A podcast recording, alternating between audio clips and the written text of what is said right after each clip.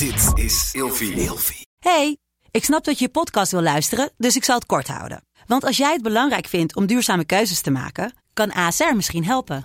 Nou hoor ik je denken, hoe dan? Nou, bijvoorbeeld bij het duurzaam herstellen van schade. Of de premies die we beleggen volgens ons duurzaam beleggingsbeleid. Dat bepaalt waar we wel en juist niet in investeren. Wil je meer weten over welke duurzame keuzes ASR maakt? Ga dan naar asr.nl slash duurzame keuzes. ASR doet het. Zo, dan kan je nu lekker naar je podcast luisteren. We hadden net over het moment dat eh, de majesteit mij op mijn schouder sloeg en eh, mij riddert. eh. Ja. Ik heb dat moment niet bewust meegemaakt. Ik was bezig met één ding. Ik moet nog iets gaan vertellen. Tot op een kwartiertje daarvoor heb ik nog getwijfeld, ga ik dit door laten gaan of niet? Want hier staat de grootste leugenaar aller tijden. Zo voelde het. Ik moet nog iets gaan vertellen. Ik moet nog iets kwijt. Het staatshoofd gaat mij zo meteen tot ridder slaan. En ik kan uit staatsbelang, kan ik dingen niet vertellen. Dat is, dat is een oorlog in mijn hoofd geweest, dat wil je niet weten. Maar met, met name de, de, de, dat mijn kerels mij hadden voorgedragen, heb ik dat door laten gaan. Maar ja, Dat scheurde je wel. ja, het verscheurde me echt. En dat heeft, ja, dat is er wel heel lang doorgaan. Op een gegeven moment moest dat eruit. Ik vond, je hebt de kernwaarden moed, beleid en trouw. En beleid houdt in dat je altijd verantwoording aflegt voor je daden.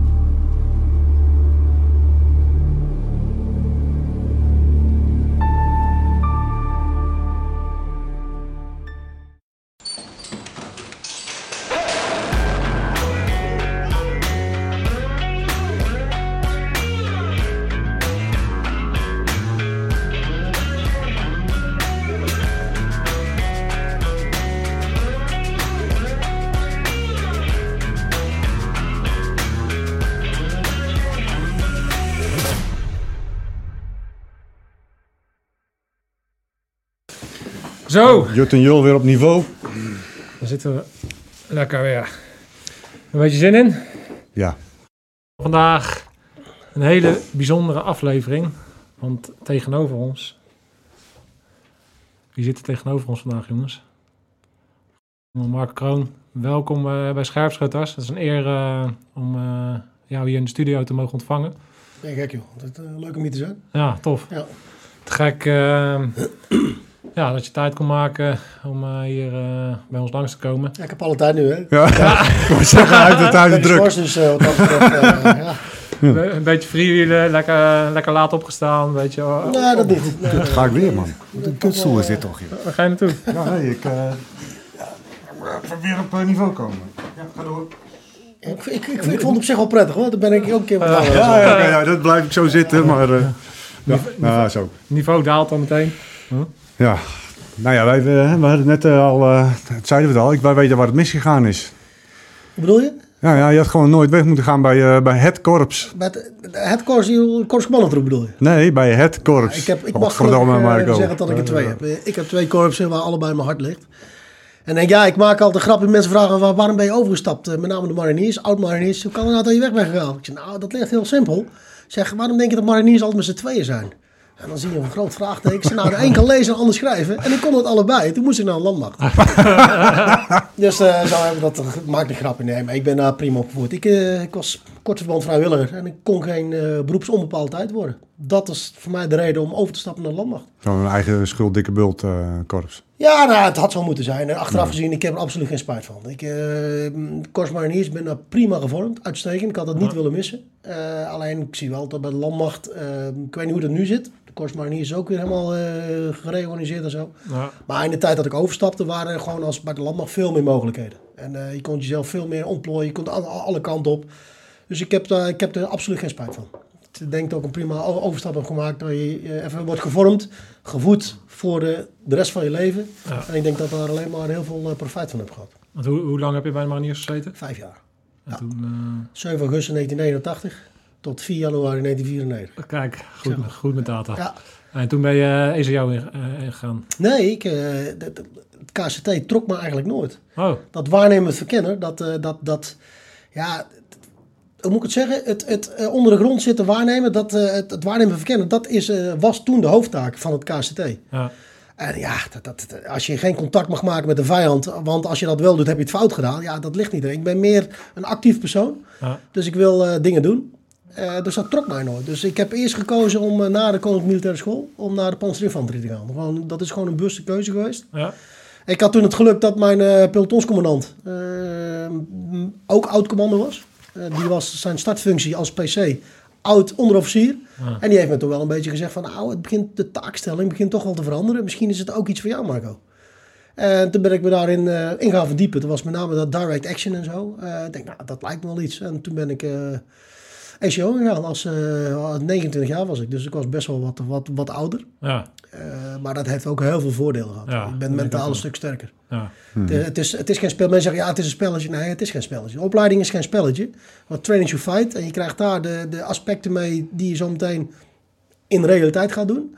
Dus ik heb het ook nooit gezien als een spelletje. Maar je bent mentaal een stuk sterker als de jonge gastjes die daaronder lopen. Ja, wa- wa- was het voor jou ook heel anders dan... eh, je bent natuurlijk gevormd bij het Corps Mariniers. En Ja. dan heb je initiële opleiding gedaan en naar panzerinfanterie. En, en, en was toen de commandoopleiding voor jou echt iets eh, nieuws? Had je nog het gevoel dat je daar echt iets nieuws kwam leren? Of was het eh, meer een verlengde van wat je al wist? Nou, beide van. Kijk, je krijgt natuurlijk heel andere stof. Je taakstelling is anders. Eh, Je gaat echt veel dieper in op de stof. Als bijvoorbeeld als marinier. eh krijg je een opdracht, ga liggen en eh, blijf waarnemen. Oké, dat doe je.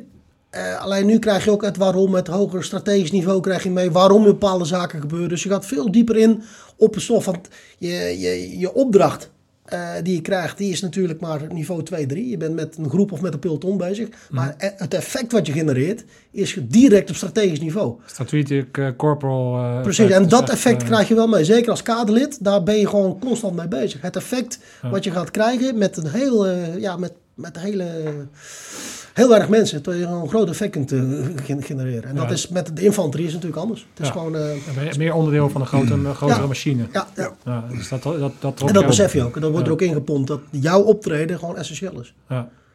Nou, we, krijgen best wel, eh, we krijgen heel, best wel veel. Ik heb natuurlijk heel veel Jan Kaas in mijn achterban. Dus we kregen natuurlijk heel veel vragen van, van die overgang van waarom ben je godsnaam weggaan. Ja. Dat is, dat is op, zich, op zich helder. Maar wat, wat is voor jou het grootste verschil tussen, het, eh, tussen de mariniers, behalve wat je al verteld hebt, natuurlijk is de impact van, eh, eh, die je kan hebben als, als eh, commando. Wa- Wat is voor jou het grootste verschil tussen Corps Mariniers en het KCT? Ja, ik, ik kan niet over het UIM spreken, want daar heb ik, niet, eh, daar heb ik ook niet bij gezeten. Eh, SF-tak van de mariniers, ik heb er wel mee samengewerkt. Maar ja, ik zie de mariniers gewoon als een hele goede infanterie. Ik eh, vergelijk ze nu tegenwoordig gewoon met on- onze luchtmobiele club. En ik weet, dat vinden ze niet leuk om te horen. Maar de taakstelling eh, is natuurlijk anders. Maar de, de, de, de kwaliteiten die de mannen hebben, de fysieke kenmerken. Ja, ik, ik denk dat ze elkaar taken zo, eh, zo zouden kunnen overnemen. En, eh, dus in, mariniers, infanterie, met uitzondering van het SF-gedeelte natuurlijk. Met een maritieme focus. Precies. Ja. En dan, ja, dat, eh, dat, dat, ja, Ja. zo kan ik dat vergelijken. Dus Ja. eh, ja, soms is daar een beetje wat kadaverdiscipline nodig om eh, de hele club naar links te krijgen. En dan zie je dus het, het SF-gedeelte, het SF-optreden is echt specifiek, soms wel op de enkele vent. ja. En dat, dat is de kracht. Hoe is die cultuur anders, vind jij? Als je kijkt naar ehm Nou, nu, nu, SF. Nu ga ik misschien wel eh, heel veel vijanden krijgen wat ik nu zeg, maar ik heb wel gemerkt... die heb je toch al. Ja, ja, dat kun je wel zeggen. Ja. Ja. Nee, maar ik heb gemerkt, en in mijn opleiding ook, eh, ik had, we hadden tien mariniers. Eh, toen de tijd, in, onze, in mijn tijd eh, kwamen er nog mariniers in de commandoopleiding. En ik heb daar soms wel mezelf geërgerd en ook geschaamd voor het feit dat ik marinier ben geweest. Ja? Je ziet in de commandoopleiding waar ik zat, eh, voor die mannen was het maar een cursus. Om uiteindelijk dat torretje te krijgen, om op de kazerne soms flink te doen, kijk eens, eh, ik ben commando. Eh, en dat is niet voor iedereen hoor, Eh, laten we wel duidelijk zijn. Maar ik heb wel mensen gezien die dat gevoel wel hadden, die zeggen, nou ik ga even, even goed mijn best doen en dan, dan ben ik commando. Ja. En die vonden dus het werk wat wij deden, het graven, putten zetten en zo, dat vonden ze maar gigantisch kloten. Ja. Terwijl wij een commando, die wij, hey, dit is het werk wat ik zo meteen ga blijven doen. Dit is de basis en dit moeten we gewoon goed kunnen. Dus dat is wel het verschil. En wat ik gemerkt heb, is met name de, het aspect van, ja, als, een, als, eh, als je niet wordt gepakt, mag alles. Ja, dat gaat dus niet op in de ECO. Man en man, een woord een woord. Je moet er vertrouwen zijn. Als je wordt weggestuurd met een opdracht, en dan ga je doen wat er, eh, wat er wordt gezegd. En gaat dat niet lukken, dan ga je dat vertellen. Ja. Hoef je niet te schamen dat je iets niet hebt, dat je iets niet hebt gefixt, maar ben daar open en eerlijk over. Ja. En ga daar niet open over lopen liegen dat je in plaats van 40 kilometer gewoon hebt gerupst. Want er zijn ook voorbeelden, kan ik noemen, ik ga geen namen noemen. Maar die gewoon in de afmatting gewoon 20 kilometer hebben gerupst. Mariniers die rupsen, dat geloof ik. Nee, niks. Nee. En ik, ik luister, ik, ik, nee, ik kan me nog niet voorstellen dat je dat met die groene Ah, bret aan het eind van je die pet krijgt. En dat je daar nog net zo trots op bent als dat je alle kilometers hebben gelopen. Ik, ik, ik, ik, begrijp wel, ik, ik hoor wat je zegt. Ik, denk- ik denk dat het wel een beetje de setting is van, vanuit de organisatie. Dat je net marinier bent en dan was het, de, de mariniers die dan de commandoopleiding moesten gaan doen... was meer een soort van een kunstje wat ze moesten doen. Precies. In plaats van dat het was van nee, ik kies ervoor om commando te worden. En dat, Dat is natuurlijk een heel andere insteek. Ik, dus ik kan me heel goed voorstellen dat, dat, dat, dat, dat die setting gewoon niet Ja. werkt. En ondanks dat die eh, ga- gasten misschien, eh, als ze zelf ervoor hadden gekozen om commando te worden... dat het een heel ander verhaal was geworden. Dus ik, maar, dus ik denk dat het hem daar wel een beetje in Ja, zit. dat is ook wel. En- De en- kerels zijn hartstikke goed. Maar laten, laten we eerlijk zijn. Het zijn allemaal poepgoeie lui. Allemaal. Maar ik, en, ik, en ik ben het en, eh, en het rupsen, dat is natuurlijk gewoon iets wat eh Dat is, inherent is aan. een, eh, dat is een kwaliteit. Goed voor jezelf zorgen, een ander doet het. Ja, precies. En, en, en ook iets, denk ik, wat goed in een counterinsurgency omgeving of in een omgeving waar we uiteindelijk moeten werken, is, is dat denk ik een, een eigenschap die werkt. Want het gaat niet altijd om, om de lijntjes recht aflopen. Nee, maar dat, daar ben ik helemaal met je eens. Als ik kijk naar mijn eerste uitzending in Irak, eh, 91, wat we daar hebben gerupst, dat mag enige naam hebben. ja, je had niks. Je had je rugzak en eh, Ja. soms had je niet eens water. Dus je moest alles rupsen daar. Ja. En dat denk dat ook de kracht is van de mariniers. eh, improvisatie. En zodat je je taak eh, uiteindelijk uitvoert met z'n allen. ja. Dus ja, kijk, in sommige dingen komt dat goed uit. Alleen met een, special, met een spec-ops opdracht, ja, ligt het toch anders. Ja. Ik- Ja, en hoe, hoe, hoe, kijk jij, hoe kijk jij terug op jou, op, als je nu, want je bent natuurlijk toch hoe, eh, inmiddels, hoeveel, dan ben je, eh, hoeveel jaar ben je nu? Bijna 7 30, augustus 30 jaar. 30 jaar. Ja, 30 jaar. Ja, het zou niet zeggen, hè? Zo. Maar er Ziet er Maar- ook goed uit voor je leeftijd. Ja. 30 jaar, man. Ja, hoe, joh. hoe kijk je terug? Hoe, als jij nu zo e- even, even alle bullshit eh, daar gelaten, zeg maar, van, van, kan, kan je dat nog? Kan je, kan je die bullshit nog scheiden Ja, van, je, van je carrière? Als je- Tuurlijk, als, je, als, je, als, je, als je even kijkt van, Ja. van wat je hebt gedaan en, en wat, wat het je heeft gebracht en wat, wa- waar het je heeft gebracht, hoe kijk jij terug? Nou, ik denk, ondanks eh, alle ellende die ik heb meegemaakt buiten privé eh, ellende. Ja, en, ja. het- het is ook bij Defensie en uitzending heb je niet alleen maar leuke dingen mee. Ook heel veel ellende gezien en meegemaakt. Maar dat heeft je wel gemaakt tot wie je bent. Dus niet alleen maar militair, maar ook als mens. Ik zou alles, inclusief mijn drie huwelijken, exact hetzelfde doen. Ja, Ja, ik heb nergens spijt van namelijk. Ik heb eh, hele goede mensen om me heen gehad. Eh, ook hele slechte voorbeelden gezien van, van, van mensen om me heen. En ik denk, ja, een slecht voorbeeld is ook een voorbeeld. Ja. En daar ben ik uiteindelijk alleen maar door gegroeid, vind ik zelf. Eh, niet alleen als mens, maar ook als militair. Als leider heb ik daar heel veel aan gehad. Mensen om me heen. Goede lui waar ik dingen van afge- afgepakt heb. Van dat, zo ga ik het doen, zo ga ik het doen. Zo ga ik het zeker niet doen en zo ga ik het ook niet doen. ja, Ik heb het geluk gehad dat ik heel vaak met mijn neus in de boter ben gevallen. Dat ik elke keer weer op uitzending mocht. Eh, ik ken ook jongens die van mijn lichting uiteindelijk elke keer pech hadden gehad. Dat ze net werden overgeplaatst op het, eh, op het moment dat, die club, dat de club terugkwam. Ja, Dus eh, ja, ik heb gewoon heel veel geluk gehad in mijn, in mijn militaire leven, laat ik het zo zeggen. ja. Heb, je- ja, heb, je, heb je een bevredigd gevoel, eh, met name op dat gebied? Ik kan me heel goed. Ik, ik, heb, dat- ik heb het zelf ook hoor. Een van de redenen dat ik ben weggegaan is omdat ik ook op een gegeven moment de, rekensom heb gemaakt van ja, kijk, kijk hoeveel je moet, moet eh, investeren en moet doen om uiteindelijk heel weinig het werk te kunnen doen. Nou, In Nederland wordt nou eenmaal eh, minder ingezet Ja. dan, dan we zelf zouden willen. Dat klinkt heel Eens. raar hè, voor iemand, maar hetzelfde als iemand chirurg gaat worden en volgens maar twee keer mag opereren in zijn operatie. Of In zijn, in zijn eh, loopbaan is dat heel raar. Maar voor militairen is dat soms de werkelijkheid. Dus jij hebt het geluk gehad om heel veel Ja. op uitzending te gaan. Heb jij het gevoel in dat jij daarin ehm, ja, bevredigd bent? Klinkt zo raar, maar dat, dat, je, dat je daarin jezelf eh, genoeg hebt kunnen testen, jezelf eh, hebt kunnen ontwikkelen en, en de dingen hebt kunnen meemaken waar, waar je naar op zoek was? Ja, ja ik denk ook dat ik, eh, dat ik alles heb meegemaakt waar ik toen ik als een jonge marinier de poort binnenkwam eh, op de vergentkazerne van dit wil ik ooit een keer doen. Ja, Eh, dat heb ik al meegemaakt. Eh, vanaf eh, voedselpakketten uitdelen tot met full skill hoor, met alles op en eraan. Ja. Dat is voor mij wel bevredigend geweest. En ik heb ook de andere kant daarvan gezien. Ook andere operaties dat je niet met de hele peloton bent. Dus de, waar we nu, dat spectrum waar we nu langzaam een beetje heen gaan. SF-werk, ook daar heb ik van mogen proeven. Dat is geen goede ervaring voor mezelf geweest, als, als mens. Maar als militair denk ik dat ik daar wel gezien heb hoe dat, eh, hoe dat in de war steekt. En dan bedoel ik Ja. met, het, eh, met, met het verhaal wat ik heb opgeschreven. in- Weet je, weet, weet je wat me daar altijd in heeft... Ik denk dat wij, we hebben het altijd daarover over Jeroen in het begin ook. Hè, van wat wij daar, toen ik dat voor het eerst hoorde, wa- wat ik heel erg moeilijk vind. En dan kom je weer op het verschil tussen mariniers en eh, KCT. Is natuurlijk toch dat het KCT heel erg enkele man, meer enkele man opereert. Ehm, van, het voelt zo... ehm, ik kon, kon me dat zo moeilijk voorstellen, want wij altijd zeggen... één man is geen man, inderdaad. En dan maakt hij net een grapje over. Maar dat, dat is wel echt heel erg zo. Die verbondenheid bij het Corps Mariniers is wat dat betreft... Ja. echt, echt de basis van alles. En de KCT, vanwege de manier waarop je optreedt, is dus anders. Heb je daar niet... Ik kan, heb je daar, dat klinkt zo eh, niet, eh, niet van moet je een tissue, maar heb je je daar niet eenzaam in gevoeld? In, in, in, het, in de strijd die je daar gevoerd hebt en de dingen die je daar bent tegengekomen? Nee, daar niet. Eh, ik voel me nu eenzaam de laatste jaren. Ja, Ja, daar voel ik me heel eenzaam. Je, eh, ondanks dat je maten je niet in de steek laat, dat weet ik. Mhm. Maar je wordt van alle kanten zo belaagd. En eh, ik weet, alles wat er in de media staat, moet je niet altijd persoonlijk oppakken. Maar het is nu de derde keer dat ik nationaal aan de schandpaal word genageld. Eh, onterecht. En als mensen zich zouden verdiepen in de feiten, dan zouden ze me alleen maar kunnen beamen. ja. Maar ik heb daar niet eenzaam gevoeld, zoverre. Omdat je weet dat dat je wijze van optreden is. Dat, het kon niet anders. En, maar daarentegen weet je wel, potverdikke, je was nooit bang. Omdat je je maat om je heen had. Je kon altijd, je rug was altijd gedekt. Maar, maar is dat zo? Want dat, ik kan, dat was natuurlijk uiteindelijk niet zo. Op het moment dat je daadwerkelijk voor bepaalde dingen stond, was je rug daadwerkelijk gedekt. Hoe bedoel je? Eh, Nou, in de missies daarvoor. Nee, in, in een missie wat je in, in, eh, in je laatste boek eh, omschrijft.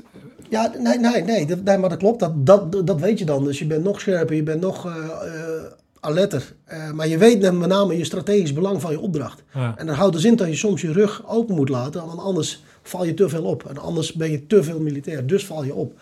Dus je moet blenden, je moet opgaan in de missie. En dan houdt dus in dat je sommige risico's moet meepakken. Ja, en dus- dat is voor, voor het hoge belang. Heb, hè, zeg ik het goed dat, als jij, dat jij door, door dat moment, het feit dat je dus inderdaad je rug om, omschermd hebt moeten laten en, en eh, in die manier in de operaties gestaan, heeft hetgene wat je gesterkt heeft en uiteindelijk doorheen getrokken is, omdat je wist van wat ik doe is het beste voor mijn mannen, Ja, en eh, nou, het beste voor de opdracht. voor de opdracht? hè? Ja, het beste voor de opdracht. En dat klinkt altijd heel nobel, wat opdracht gaat voor de mannen. Dat is bij mij dus zeker niet zo. Eh, mijn opdracht is heel belangrijk, maar mijn mannen zijn minstens zo belangrijk. Eh, daarom zou ik nooit bij een opdracht die ik zou krijgen, waar ik bij, van de, bij voorbaat al weet, ik moet mensen afschrijven, dat is voor mij een no-go. Dan zal ik dat weigeren. Maar kerels moeten altijd een kans hebben om zichzelf weer terug te vechten of weer terug te komen. Ja. Kijk, en dat er risico's zijn die voor een gemiddelde burger of misschien wel voor een gemiddelde commandant niet aanvaardbaar zijn, daar kijk ik anders tegenaan. Je bent niet voor niks eh, zo ver gekomen, je hebt niet voor niks een SF-opleiding. Je opleiding is wel du- dusdanig eh, in elkaar gezet en zo goed dat we eigenlijk wel alles aan kunnen of aan, alles aan zouden moeten kunnen. Ja. En dan, ja, dan heb je wel eens pech. En ik heb dit keer gewoon een enorme pech gehad. Ja. Hey, kijk je wel eens aan, eh, eh, naar, naar eh, de geschiedenis van bepaalde zaken die eh, gebeurd zijn? Met andere woorden, eh, eh, als je eens terugkijkt naar alles wat je, eh, alle opdrachten die je ge- gedaan hebt, alle missies die je gedaan hebt, zijn er dan ook opdrachten bij waarvan je denkt van, waarom hebben we die in godsnaam moeten uitvoeren? Eh, nou, poeh, dat zijn er wel heel veel geweest. Ik, eh, ik, Maar je hebt, je hebt, dan natuurlijk, je hebt altijd oorzaak-gevolg. ja, En eh, militair gezien is voor jou misschien alles wel duidelijk, maar eh, eh, de politiek eh, die, die, die neemt uiteindelijk bepaalde beslissingen. nee, maar dat is om eens. bepaalde redenen. dat is eens. Ik ben daar, nee, ik ben daar, Ben je daarmee bezig geweest? Of, of, of om, nou, als je wat ouder wordt, dan, word je, dan ga je ook op een andere manier denken. Ja. Ja, dat klinkt heel raar wat ik, wat ik nu zeg. En dat is ook de reden waarom ik nog nooit gestemd heb in mijn leven. Nog nooit. Nee. Ik nog nooit. En niet uit, uit luiigheid of uit, uit wel lekker belangrijk. Ik vind nog steeds dat ik als militair niet moet stemmen. Vind ik. Iedereen heeft het recht om te stemmen, dus moet je zeker doen. Maar ik vind dat ik dat niet moet doen. Ik ben een instrument van onze democratische samenleving. Klinkt heel ingestudeerd, maar ik meen dat echt zo.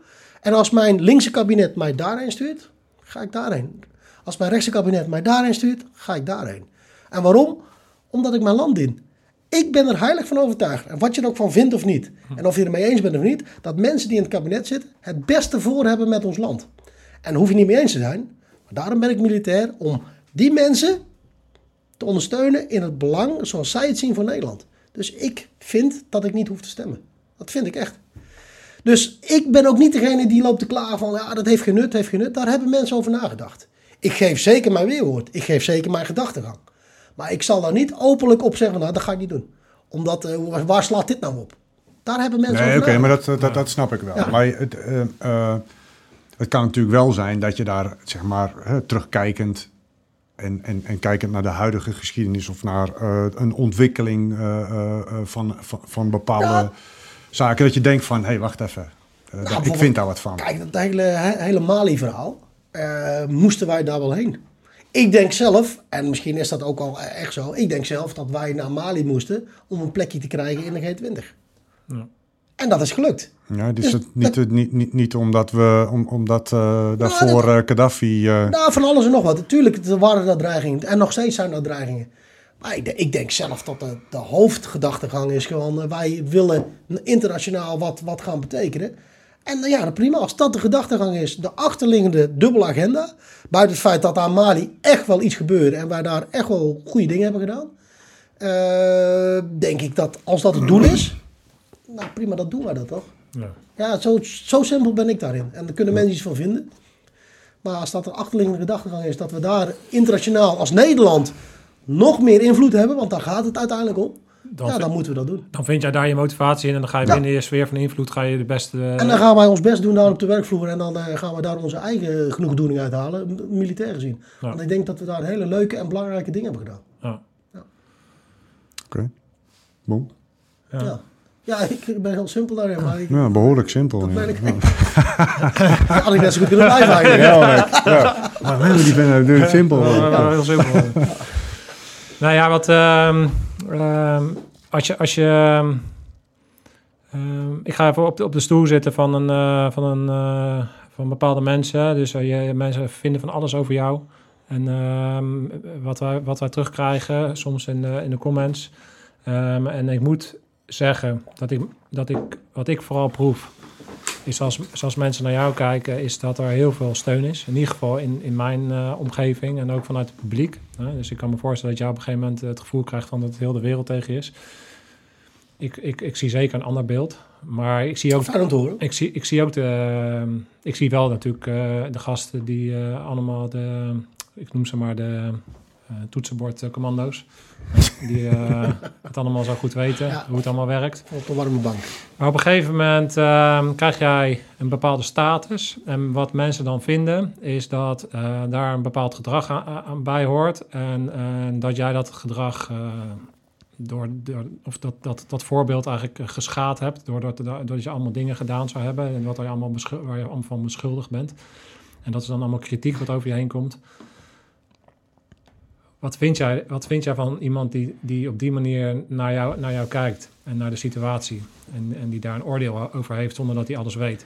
Hoe, hoe ga je daarmee om? Nou, ik denk dat je het antwoord zelf al geeft. Ik, eh, natuurlijk, we maken onszelf er altijd schuldig aan. Als je dingen leest, je, iedereen vindt iets. En dat is mooi, hè?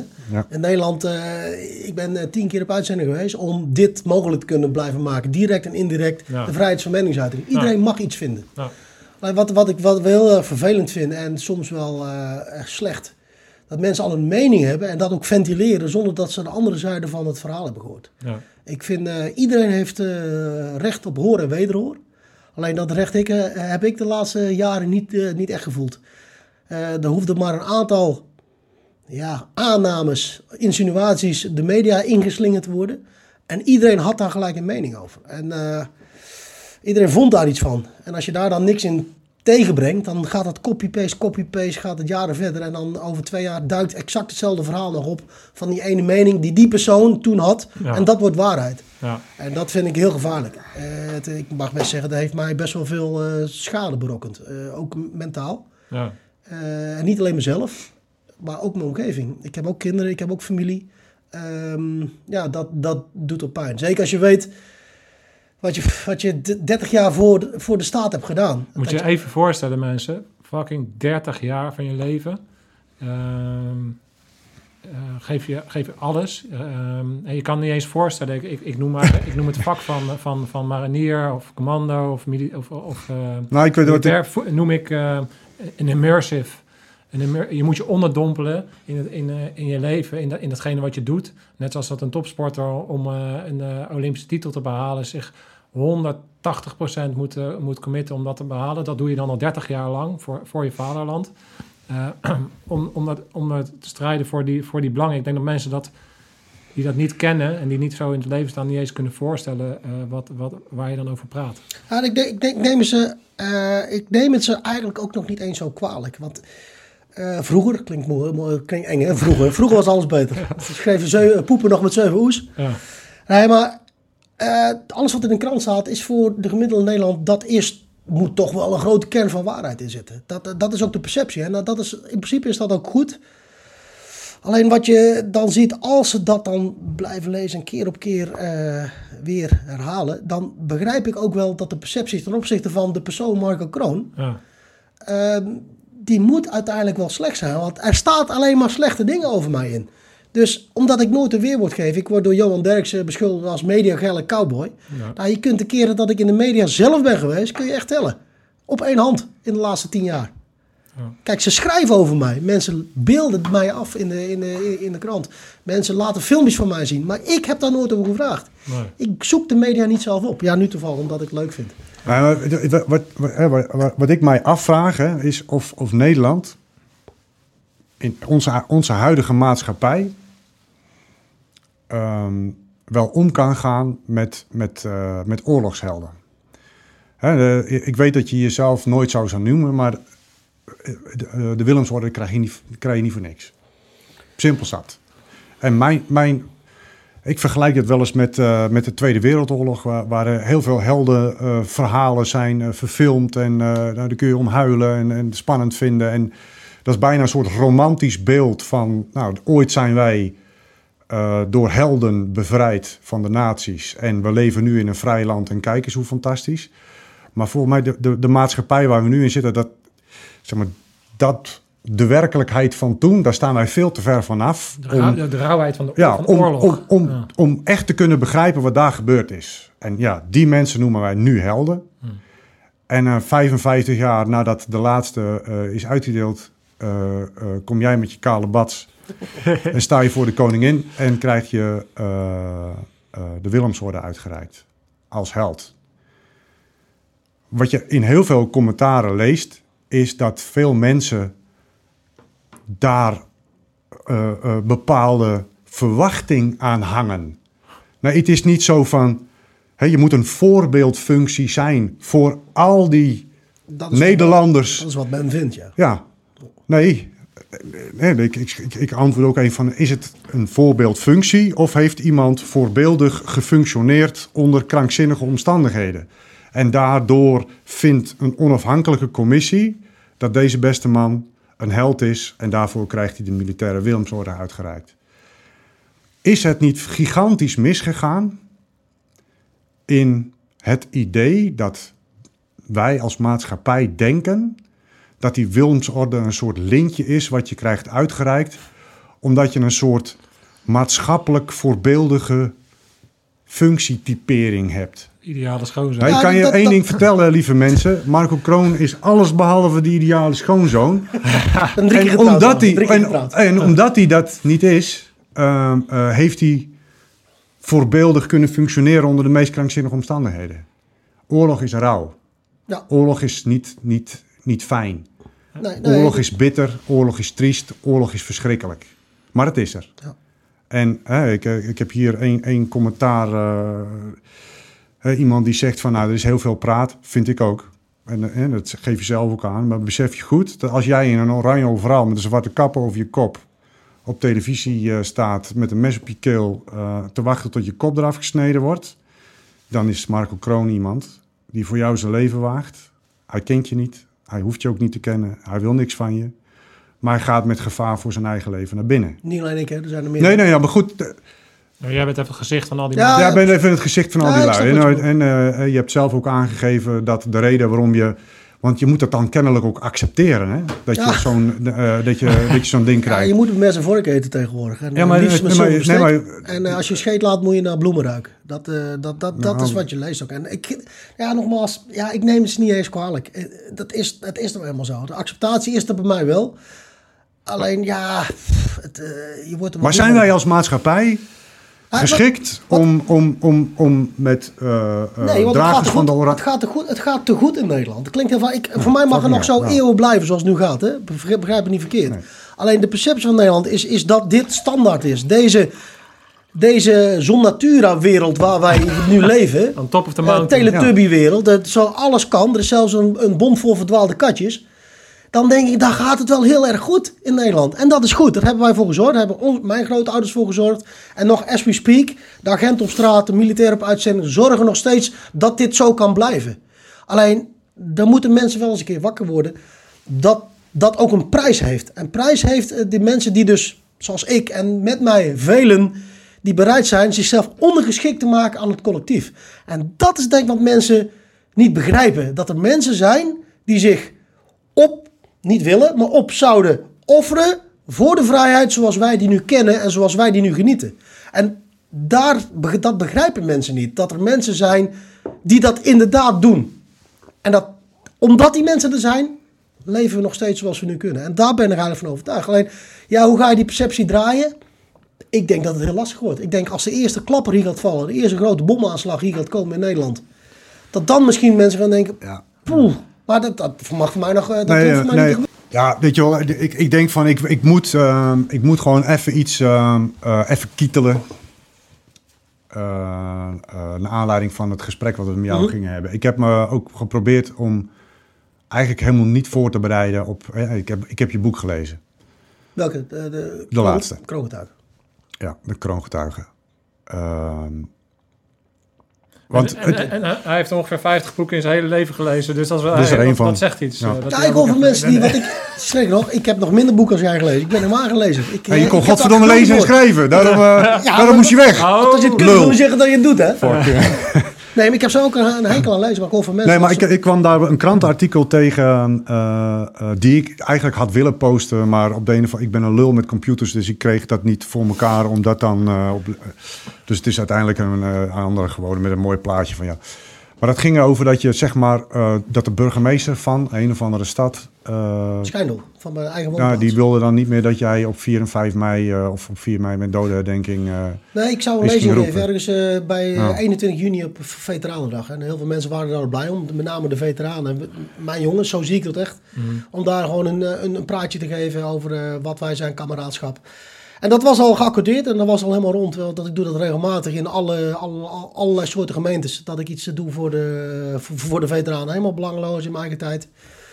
Echter, ja, dat werd eh, plotseling door, eh, door, ja, door dit soort nieuwsfeitjes die nu door de media zo worden opgeblazen. Van die dingen die, kan ik je verzekeren, die echt anders liggen. Alleen kan helaas niet op de zaak ingaan nu.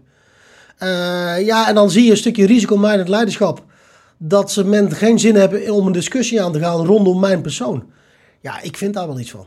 Maar goed, dat is een keuze van, van een burgemeester. En ja, maar dat is dan in feite. eh, eh, by het- media. Ja, maar, maar ook het, het antwoord op mijn vraag. Wij kunnen dus niet omgaan met lui zoals jij. Ja, ja, Dat, mijn- vind ik, dat, dat, dat, dat, dat, dat staat te ver van ons af, Marco. Ik ben, ik, die overtuiging heb ik echt. Nou ja, het is, het is, en het is, in- ja, het is gewoon inherent. eh, zodra je boven het maaiveld komt in Nederland, dan eh, word je gewoon eh, aan alle kanten moet dat gewoon eraf, moet, het, moet die kop eraf. En, eh, en daar, daar eh, heb jij mee te dealen. Daar kan je zeggen, dit is niet, dit is niet op zich staand hoor. Dit is al de, de zoveelste. Ja. Ik denk al in, Ja, in, nee, in de nee. tientallen Ja, maar dat, maar dat, Maar ik weet dat je niet op, op de zaak in kan, inhoudelijk ingegaan. Maar wat zou je willen zeggen tegen de mensen die zeggen van Marco, waarom heb je godsnaam die, eh die agent een kopstoot gegeven? Wat zou je tegen die mensen willen zeggen? Nu doe je al hetzelfde als wat de media doet. Ze gaan er dan vanuit dat er dus een kopstoot is geweest. Ja, maar ik zeg even wat, eh, Nee, eens. Nou ja, wat ik- ik kan Wat zou je tegen die mensen willen zeggen? Zeg ja, ik kan alleen maar zeggen dat het echt, echt anders ligt. Dat ik eh, nooit van mijn leven een hulpverlener zou aangrijpen. Nooit. Omdat ik namelijk, dat zijn mijn helden op straat. Die agenten, dat zijn mijn helden. Die zijn in mijn optiek elke dag op uitzending in de straten van Nederland. Ik weet hoe zwaar die mannen het hebben. En vrouwen. Dus ik zou dat nooit doen. En nogmaals, om met jouw woorden te spreken, ik ben geen koorknaapje geweest. Ik ben geen heilige. En ja, er zijn daar wel dingen gebeurd die niet helemaal mogen. Maar lang niet zoals men nu wat zegt wat ik heb gedaan. Ik zou nooit een hulpverlener aangrijpen. Ik zou nooit mijn leuning aan iedereen laten zien. Want dat is nog schennis der eerbaarheid, wordt nu gezegd. Donder op. Ik voel, ik voel me zo, zo zwaar beledigd dat, ik dat, dat mensen dat zeggen. Ja. Ik voel me echt zwaar beledigd. ja. En ja, iedereen plas wel eens buiten. En dat keur ik echt niet goed. Nee, dat keur ik niet goed. Heb ik ook nooit ontkend. Maar ja, en ja, dan heeft het een bepaalde dynamiek. Maar is- Dus al die heel mensen op carnaval, als je buiten- Heel Brabant pist eh, tijdens Ja, maar carnaval dat buiten. nog steeds niet goed. En dat is niet omdat ik dat moet zeggen, omdat de media... Nee. Maar de acceptatie was er. Punt. En ja, dan gebeuren dingen daarna waar ik helaas niet op in kan gaan. En, eh, maar de waarheid zal bovenkomen. Echt, eh ondersteen zal bovenkomen. Ja. En dat doet ook pijn.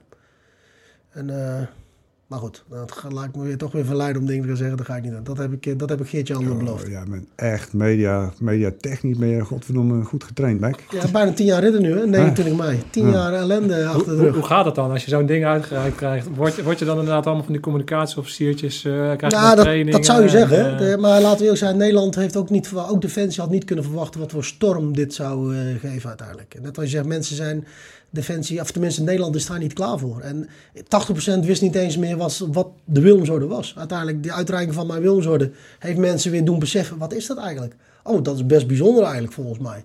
En dan ben je heel kort, ben je een held en eh, ja, ben je, eh, kun je over water lopen volgens Nederland.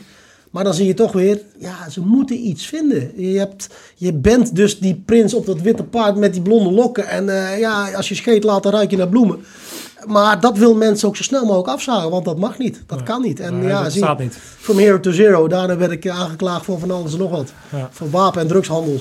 Ja, en, en, ja, en dat, dat, dat, daar heb ik nu nog steeds last van. Dat Maar is hoe- toen een hoe- tijd hoe- zo hoe- weggezet in de media. Dat, maar hoe is Ja, dat wat- ontstaan Wat hier dan? hangt is een stuk heftiger. Eh, dit is een uh, airsoft eh, unitje, weet je wel, eh, een speelgoed eh, ding.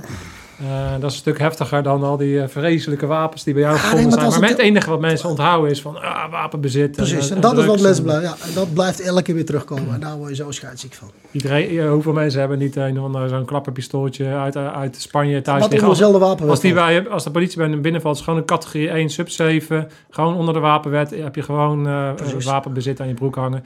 Dus, en al, al die dames die een tasertje of weet ik veel wat, of, een, of eh, wat van die spray... En terecht als ze het bij hebben, om, Ja, om eh, zichzelf je, te beschermen. Dat is, dat, is, dat, dat, dat is dan je recht in Nederland dus niet, hè, want alles is verboden.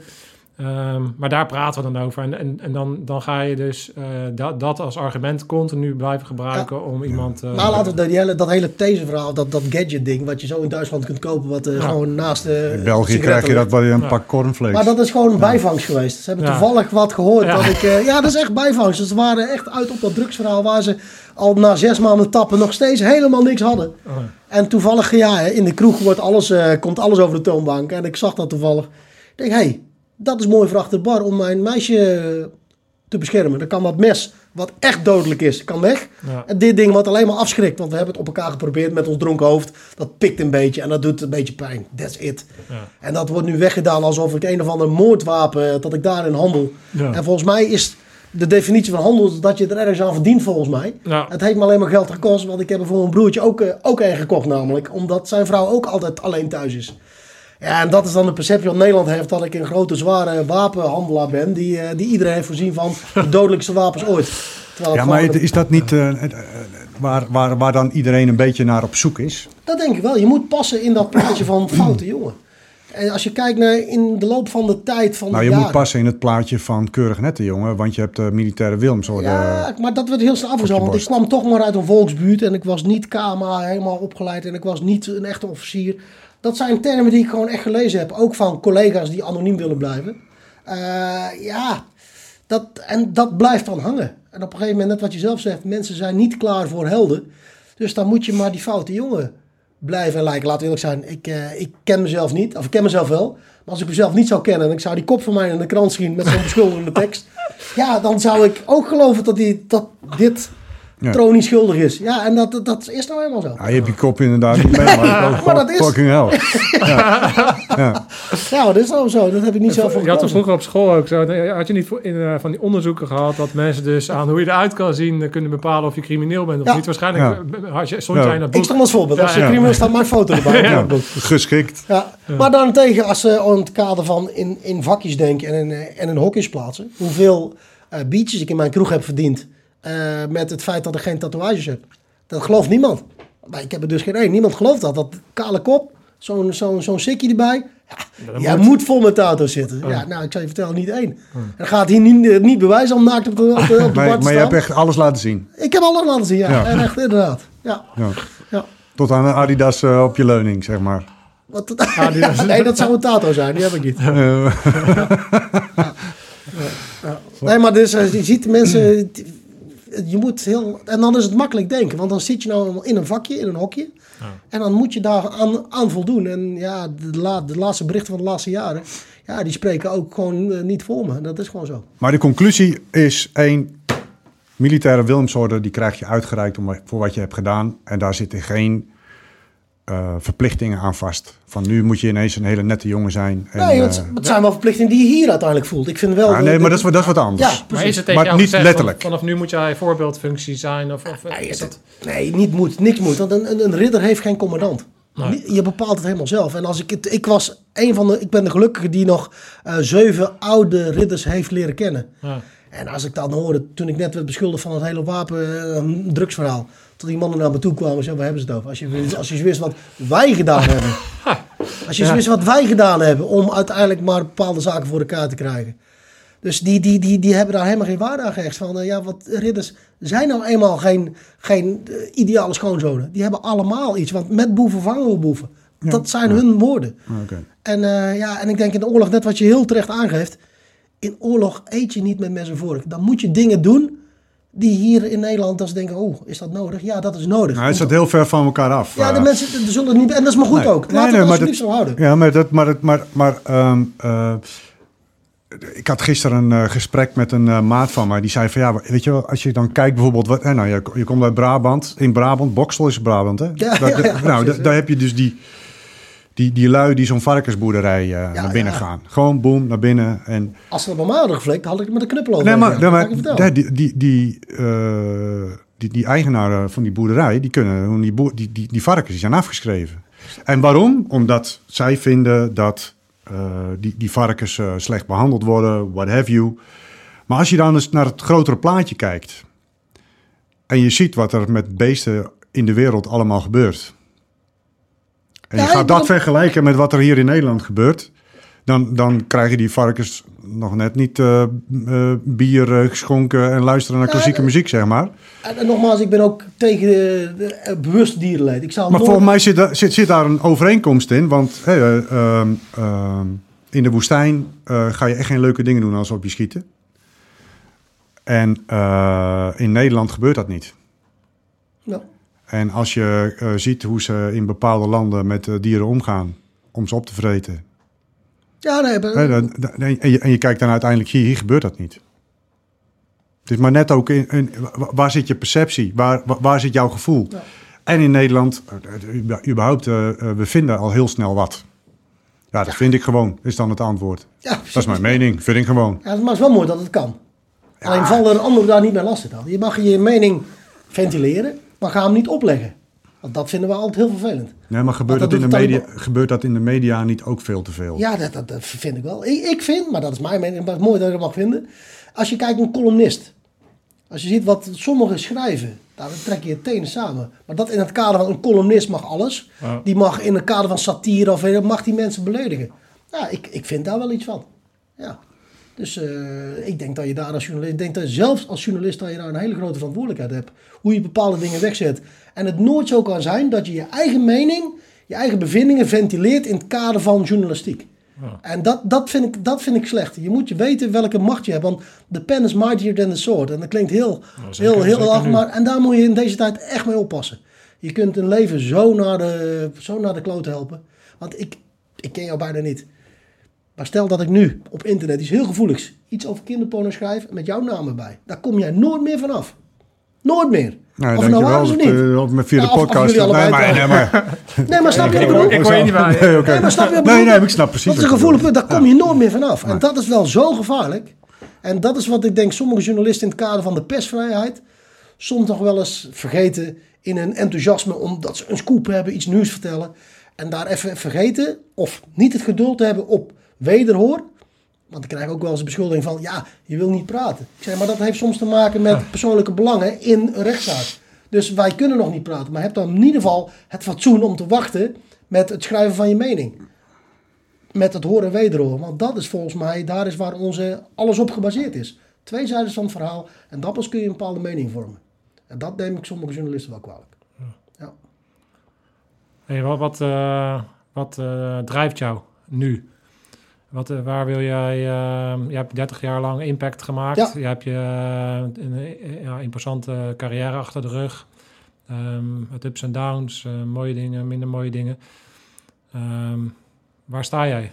Waar, waar ben je? Waar, waar, wat, wat, maakt dat vuur je los en waar, waar heb je nog dingen te doen? Ik heb Mali nodig gehad, 2014. Ik denk, nou, ik ben nog steeds die operationele tijger. Nou, dat was een no-go. Daar merk ik van, ik word oud. Het is over. Het vuur is, het infanterievuur is echt wel gedoofd.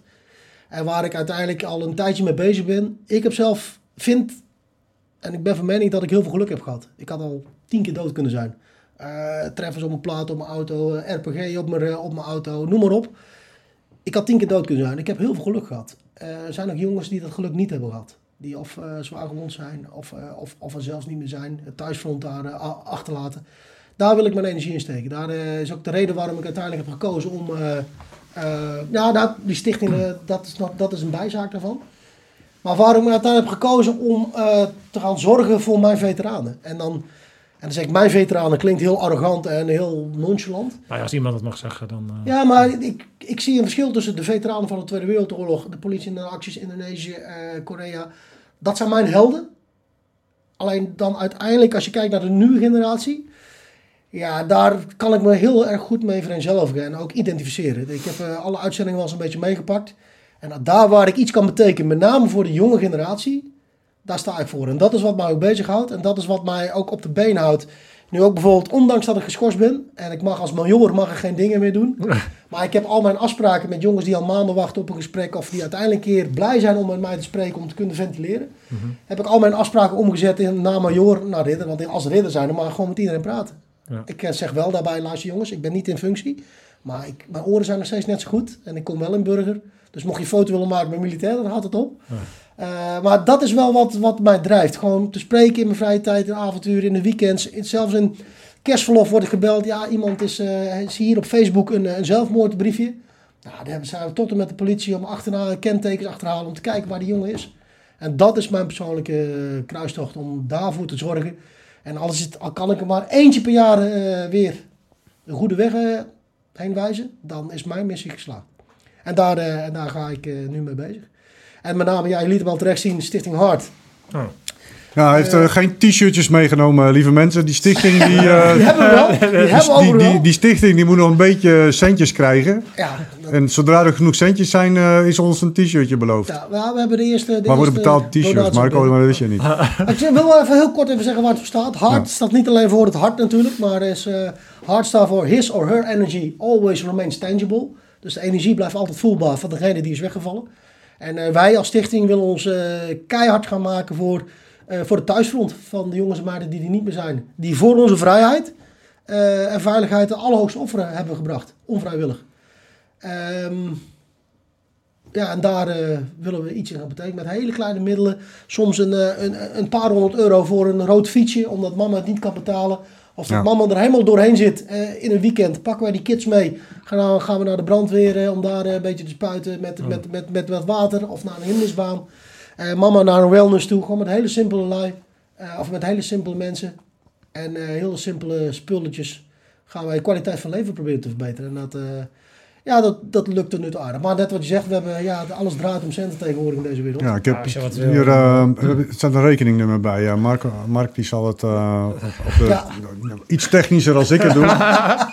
zal hij dat zeg maar ergens in beeld uh, neerzetten. Ja. Voor, nee, maar dat, dat, dat, is mooi. Als we daar mensen het, is, het is belangrijk. Ik, ik, wij... Het is niet alleen voor militairen, het is ook voor agenten, brandweer. Ja, ja, ja, Het is voor iedereen die in de BV Nederland iets heeft betekend voor onze veiligheid en vrijheid. Ja. ja, kijk, ik ben geen uh, Nederlands commando, ik ben Engels commando. Dus ik heb uh, in uh, Engeland heb ik de commandoopleiding gedaan. Dus je bent linksdragend ook? linksdragend. maar ik heb, ik heb daar, ik heb ook daar, en ook, ik ben ook wel eens aan Amerika geweest en ik verbaas me dan altijd over, over hoe wij in Nederland met onze veteranen omgaan. En ik vind dit soort, ik denk, ik vind het ook bizar dat eigenlijk nog zoiets ehm, ehm, wat je nu doet, er nog niet op groot, groot uh, grootschalig aanwezig is eigenlijk en, en, dat dat allemaal goed geregeld is. Maar, uh, maar, ik bewonder het wel dat je, dat je die missie oppakt, die handschoen oppakt. Ja. En ik hoop dat mensen uh, even in de buidel tasten en zich bedenken wat het zou betekenen als, ehm, ja, degene die voor het gezin zorgt en eh, elders eh, aan het vechten is voor onze vrijheid, om daar het hoogste meemaken. betaalt en wat dat, wat dat, wat dat betekent. En eh, dat, wij, on- dat wij daar allemaal een steentje kunnen bijdragen om, om daar die mensen die achterblijven, die dus eh, in hun... eh, Ja, want het is niet tijdelijk, het is blijvend. Hè? Kijk, initieel de eerste Ja, de- maanden krijgen ze nog de aandacht. En dan uiteindelijk ebt het weg, maar die stoel blijft leeg. Papa of mama is er niet meer. En dat is voor onze vrijheid gedaan. En dat is wat we soms iets meer moeten beseffen. Dat gat blijft daar. Die pijn blijft altijd. ja. En eh, ik heb het om me heen van heel dichtbij gezien. En ja, ik heb mezelf ja, slecht. Niet geen, ik vind dat ik geen goede vader ben geweest voor mijn jongens. Maar dat is een keuze voor mij geweest. Ik ben altijd weggegaan om mijn land te dienen. En dat houdt in dat je thuis niet kunt zijn. Ja. Eh, maar daarentegen, eh, dat was voor mij een vrijwillige keuze. En voor de jongens en meiden die weggevallen zijn, is niet altijd een vrijwillige keuze geweest. En dat is voor mij wel de drijfveer om iets terug te doen. Misschien wel uit het schuldgevoel. eh, wat ik voor mijn eigen kinderen niet heb kunnen zijn, wil ik misschien wel voor anderen daar iets voor invullen. Voel je je wel eens schuldig dat, je, eh, g- dat jij degene bent geweest die geluk heeft gehad? Eh, ja, dat heb ik in het begin wel heel veel gehad, ja. Ja, zeker na, eh, na Oeruzgan. Eh, en als je dan mensen ziet wegvallen, jonge ventjes, eh, die, die nog een hele leven voor zich hadden. Ik zeg niet dat ik toen niet, niet jong was, maar Nee. dan denk ik, potverdikke, eh, wat, waarom heb ik dat niet gehad? Wat, eh, ik heb zoveel geluk gehad. Ik denk, ja, mijn, mijn de geluk moet een keer op zijn. En ja, in 2007 bleek dat ook wel. Dus, Ah. eh, maar dat laat dan maar straf geweest zijn. Ja. Ja, ik Dat, voel me dat is wel heel... Maar nee, waar ik me schuldig om voel is voor mezelf, is dat ik niet, niet harder teruggeknokt heb. Dat ik het heb laten gebeuren, voor mijn gevoel. Wat, wat, wat er in kroongetuigen staat? Ja, ja wat, wat, wat, wat, Maar- wat er met mij gebeurd is. Dat is wel gewoon Ja, is, wat ik me tot op de dag van vandaag eh, soms nog wel eens eh, eh, aantrek. maar welk, welk moment had je harder kunnen terugvechten in jouw beleving dan? Ja, dat weet ik niet. Ik, eh, dit- dat weet ik niet. Maar ik had het gevoel, ik heb op een gegeven moment heb ik me overgegeven. Ja. Eh, omdat dat de enige manier is om te overleven. Ja. Ja, oké, maar om, dat- kinderen weer te Maar dat, ik, het is dubbel, ik weet het. Ik Ja, heb ja. daardoor wel overleefd en zo min mogelijk schade opgelopen. Ook onderdelen, aspecten van de trainingen die je krijgt. Maar dat neem ik mezelf nog steeds op Maar kwalijk. het beest in jou, de, de, de warrior in jou Ja, zegt van... ik liever, liever eh, eh, strijdend ten onder gegaan daar... Ja. dan dat je laten En overkomen. dat heeft mijn kinderen hebben, mijn kinderen, echt het beeld aan mijn kinderen heeft dat, heeft dat eh, verminderd. Dus dat ik de strijd op heb gegeven in de hoop dat ik mijn kinderen nog zou terugzien. Dat, is, dat, dat is voor mij de, de, de hoofdoorzaak geweest. Ja. En, En dat neem ik mezelf nog steeds kwalijk. Als je, als je dat leest, dan is het vla- vrij plastisch. En dan ga je ook natuurlijk een beetje meedenken. Van, nou, weet je wel, de- de- Ik heb heb jij voor je... mijn, mijn gedachtegang, eh, wat ik... Ja, maar dat is, dat, is, dat is ook lastig. En heel veel dingen die zul je ook gewoon kwijt Ja. zijn. Uh, als je het zeg maar eens voor eh, die, die film, heb je die voor jezelf wel eens uh, uh, terug? Ja, natuurlijk duizenden keer, dat is een stomme vraag, sorry.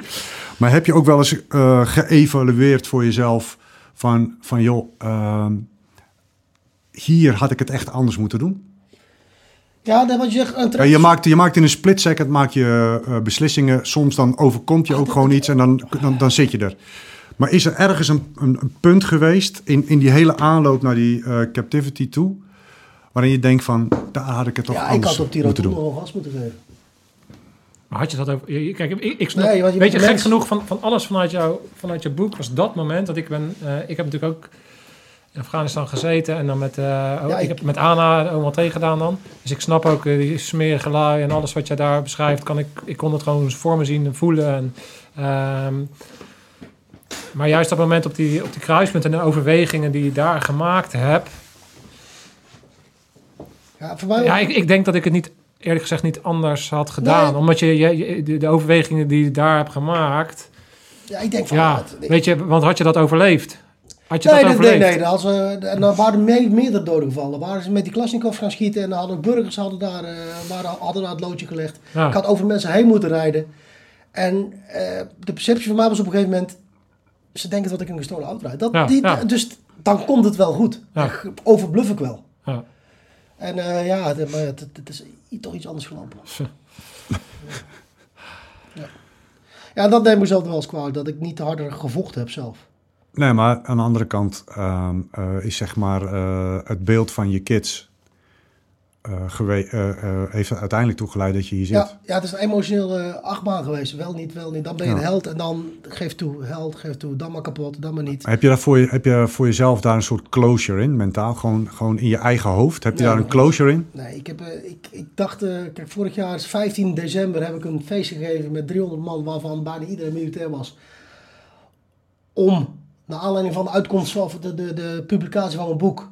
Het is eruit, nu ga ik verwerken. Ja. Een mega feest was echt super gezellig. Ja, en dan eh, is het carnaval en dan eh, denk je te gaan verwerken en dan eh, ben je weer met andere dingen bezig. Dus ik ben nog in mijn hoofd nog wel druk met... Een plekje heeft het al gehad. Alleen ik moet voor mezelf nog de frustratie kwijt, de onmacht die ik nog niet kwijt kan. Ik, kijk, in Oeriskan hebben we heel, heel veel geknokt, maar hebben dingen teruggedaan. Hier heb ik voor mijn gevoel niet genoeg teruggedaan. En dat is wat mij, dat wat mij nog vreet. Voor mezelf. Ik snap dat ik het juist heb gekozen, Ja, maar het is rationeel. maar dat is hier nog Ja. niet Nee, weg. nee, nee. Met name Dat hier. snap ik. En als je mijn boekzak thuis ziet, daar, die zal weer aan eh, vervangen toe. Ik moet echt eh, frustratie van me afslaan. Mhm. Ja, Maar- maar, dat is niet altijd. Dan komt dat even, dan denk ik daaraan en dan moet het, moet het er even uit. Maar- kan, je- kan, je, ja, kan, je- kan je dat... want uiteindelijk, ja, dat is natuurlijk de, de manier die wij kennen. En dat is ook de manier die... ehm, op het moment dat je operationeel eh, bent, bezig bent... dat is ook de manier waarop je dan eh, met dat soort dingen om moet gaan. Dat kan heel goed denk Dat, dat is het. Dat, zaten, we zaten voor, twee weken terug met Joepie en die heeft dan PTSS opgelopen.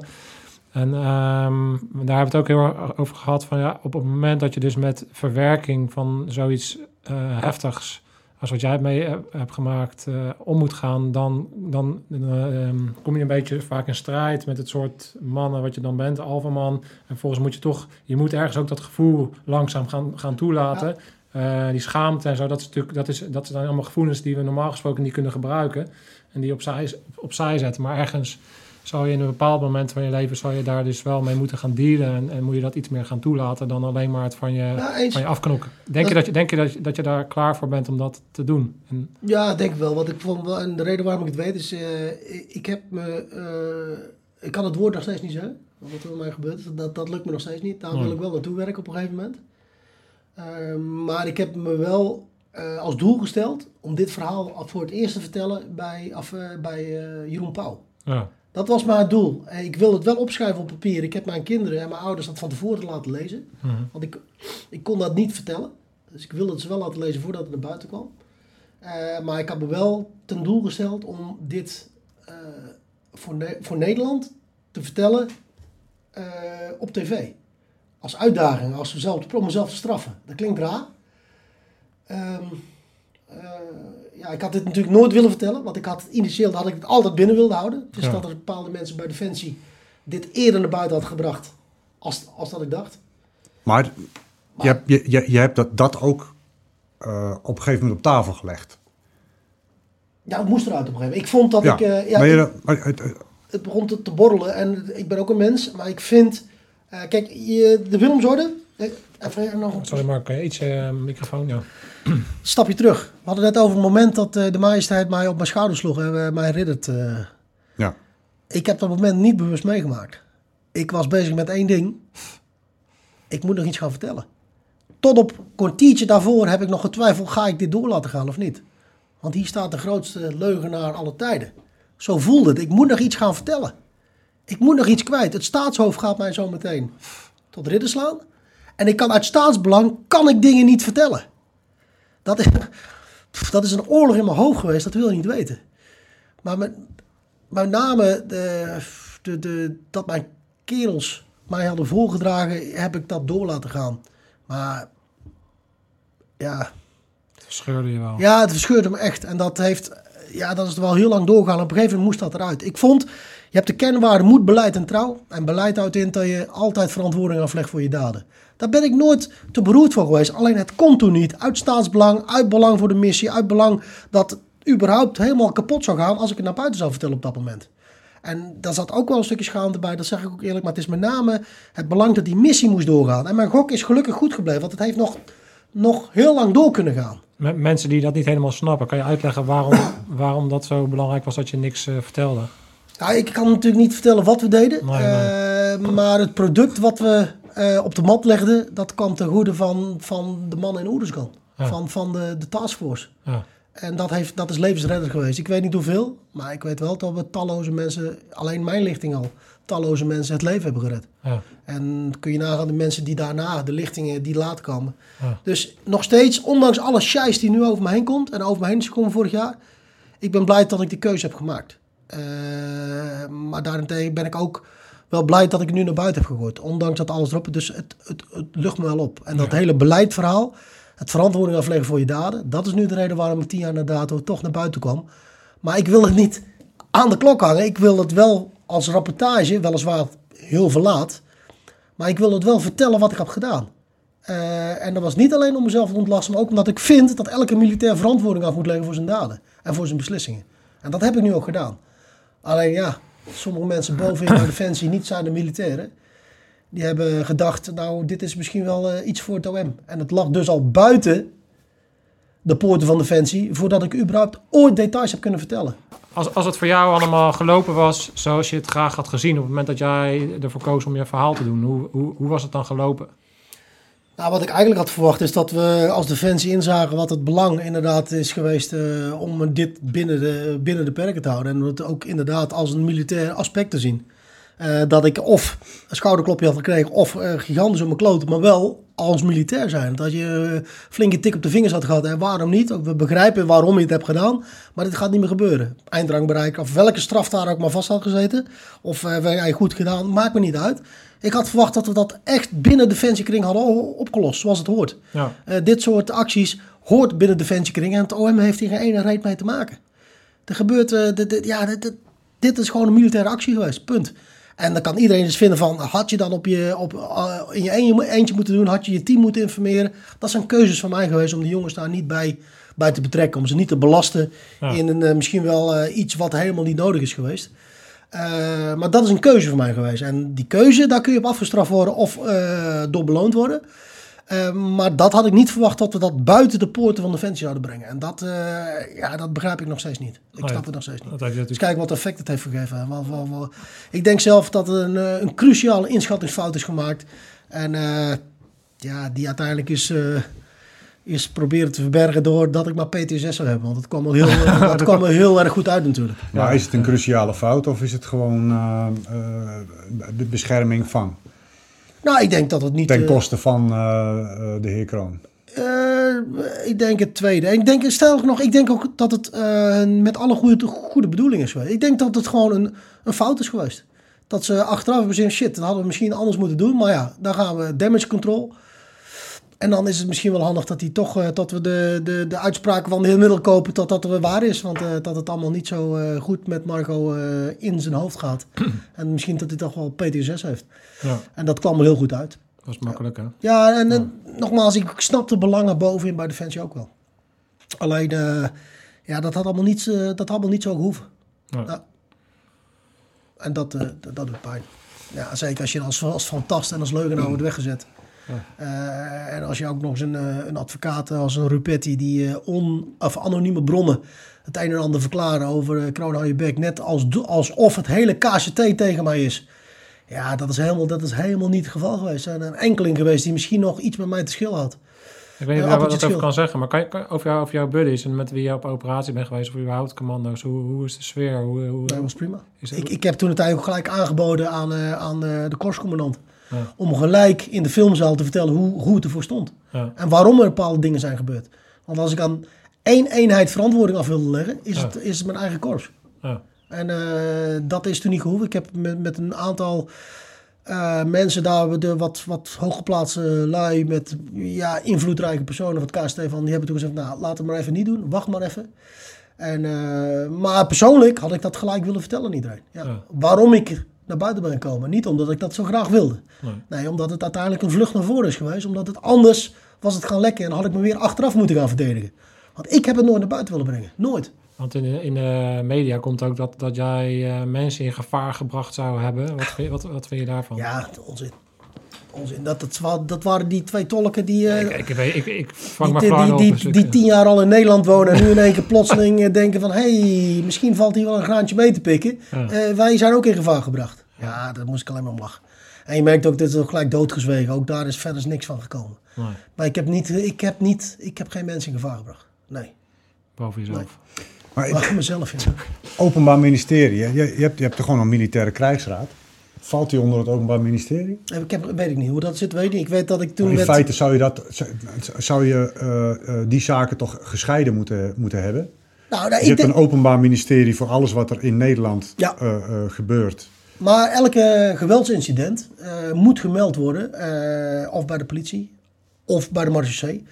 Ook als dat in eh ja. Eh, in de woestijn gebeurt. ja, ja, ja. Ik zou je heel... Dat is, dat is, dat is, eigenlijk is dat, vind ik dat, dat is gek. Ja, dat is ook gek. Dat, dat is gek, maar omdat Nederland niet meer gewend was om oorlog te voeren. Ik zal je vertellen, toen wij in Oeruzgan onze eerste contactmeldingen hadden, onze eerste eh, keer terugkwamen na grote gevechten in het veld en terug op de kazerne. Ik kreeg een formulier waarin stond hoeveel patronen er waren verschoten, in welke richting, wie had geschoten, wat het resultaat was. En eh, dus per En, en of je had afgeplakt. ik moest per patroon moest ik verantwoorden wie waar geschoten had. Dat is geen grapje. Ja. En uiteindelijk is dat wel makkelijk opgelost door, eh, ja, Nee, maar Doet er dit, is, dit is serieus. Dit is geen grap. Ah. Dit is geen grap. Ik moest bijna 30.000 patronen verantwoorden. Per patroon, wat het effect was, wat het resultaat, of, of, eh, of het dodelijke slachtoffers waren, of er gewonden waren en zo. Ja, wat hadden ze dan? Dat is niet te doen. En was- je niet in je broek van het lachen? Nou, sterker nog, ik moest een paar dagen later weer het, eh, het veld in. En ik ben twee dagen bezig met een complete rapportage en eigen formats maken.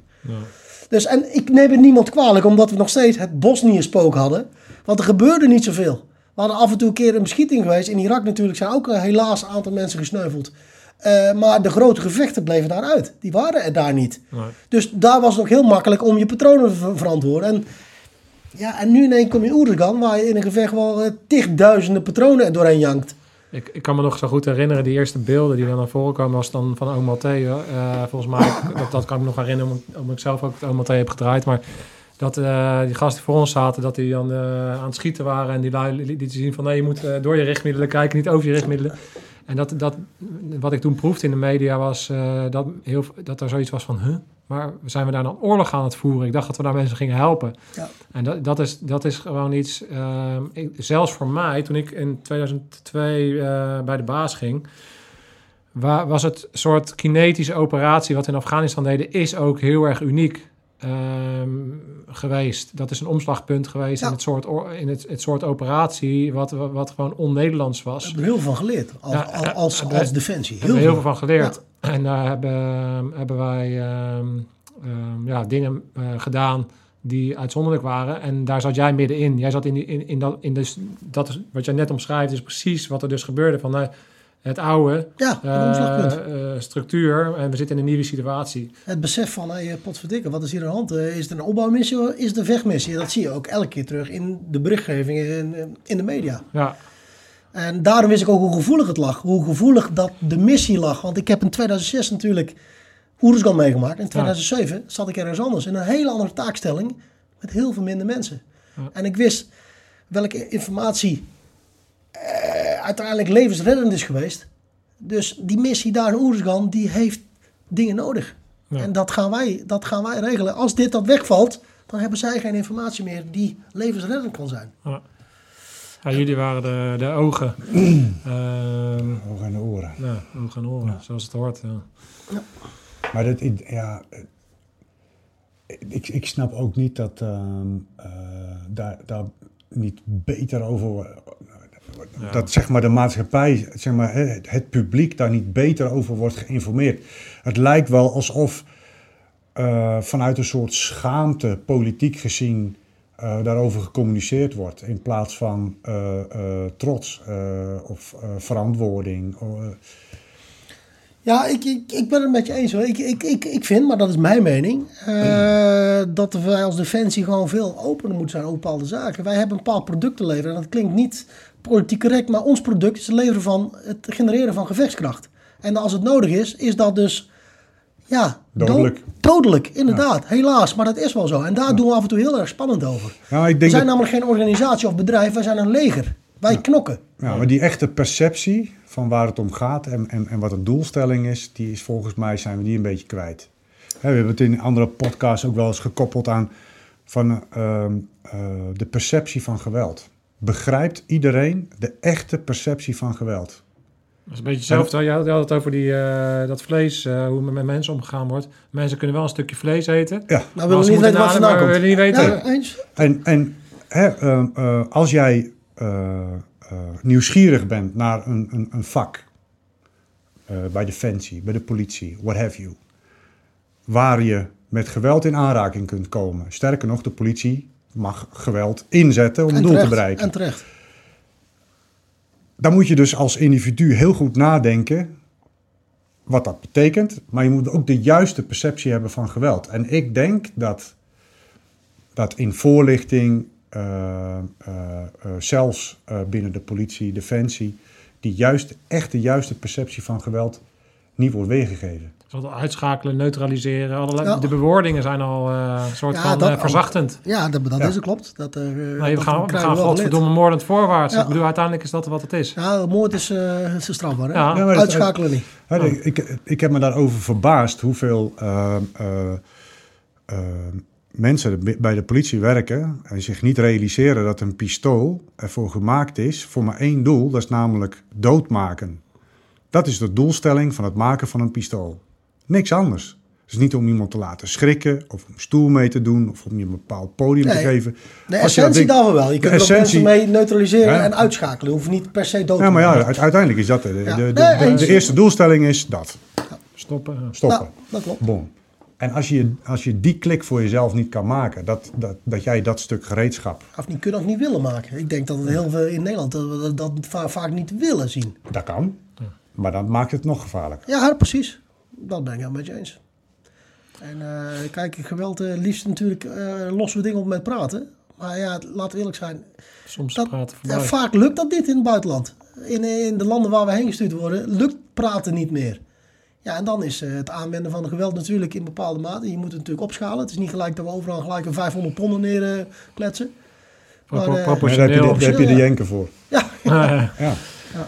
Hey Marco, we hebben, we ehm, enorm veel luisteraars, kijkers die ehm, hier naar kijken omdat ze graag ehm, in de voetsporen zouden treden van, eh, van jouw eh, looppad. Uh, of dat van mij of dat van Jeroen die bij een arrestatieteam heeft gezeten.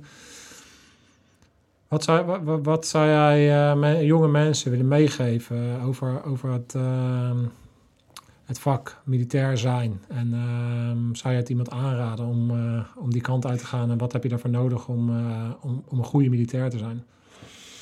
Ik denk, poeh, dat is al een hele, een hele brede vraag. Eh, het is altijd persoonlijk. Ik denk wat je, wat je echt nodig hebt, is intrinsieke motivatie. Dat je het zelf wil. Dat je het niet doet voor je pa of voor je broer, omdat die er ook bij zit. Of dat, ze, dat je denkt van, ah, dit staat stoer, een mooi pakje aan.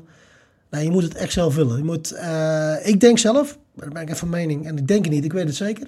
Voor een jonge, gezonde man of vrouw is dit de mooiste baan ter wereld. Eh, ongeacht wat men nu zegt over de politiek, of over de tekorten, of over de, de vacatures die we hebben.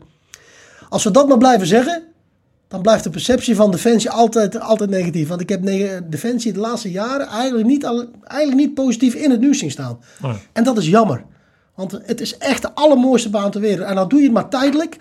Ik denk de vorming, de kameraadschap, de normen en waarden die je meekrijgt in je initiële opleiding, is goud waard voor de rest van je leven. Daar heb je altijd iets aan. Je ziet ook slechte dingen, je ziet goede dingen, maar uiteindelijk vormt het je als mens, als militair en later weer als burger, als je eruit gaat. Maar de dingen die je hebt meegekregen, die ga je nooit meer vergeten. En blijft altijd van een hele grote meerwaarde in je leven. En niet alleen voor jezelf, maar ik denk ook zeker voor je eh, naaste omgeving, voor de samenleving, kun je heel veel betekenen. Met name die vorming die wij als militair krijgen, ja, die is uniek. En die kameraadschap, die is nergens te koop. Ik wil zeggen, bij Defensie, nou, dan ga je niet rijk worden, nooit. nee. Maar je wordt wel rijk in je ervaringen. En de kameraadschap die je hebt, die is nergens te koop. Met geen miljoenen. En als je dat hebt, en dat mee hebt gekregen, dan kun je heel de wereld aan. Dus eh, ja, dat gevoel, als je dat gevoel hebt, dan Oh. denk ik dat, het, dat, het goed hebt gedaan. Mooi, mooi gezegd. Ja, ja.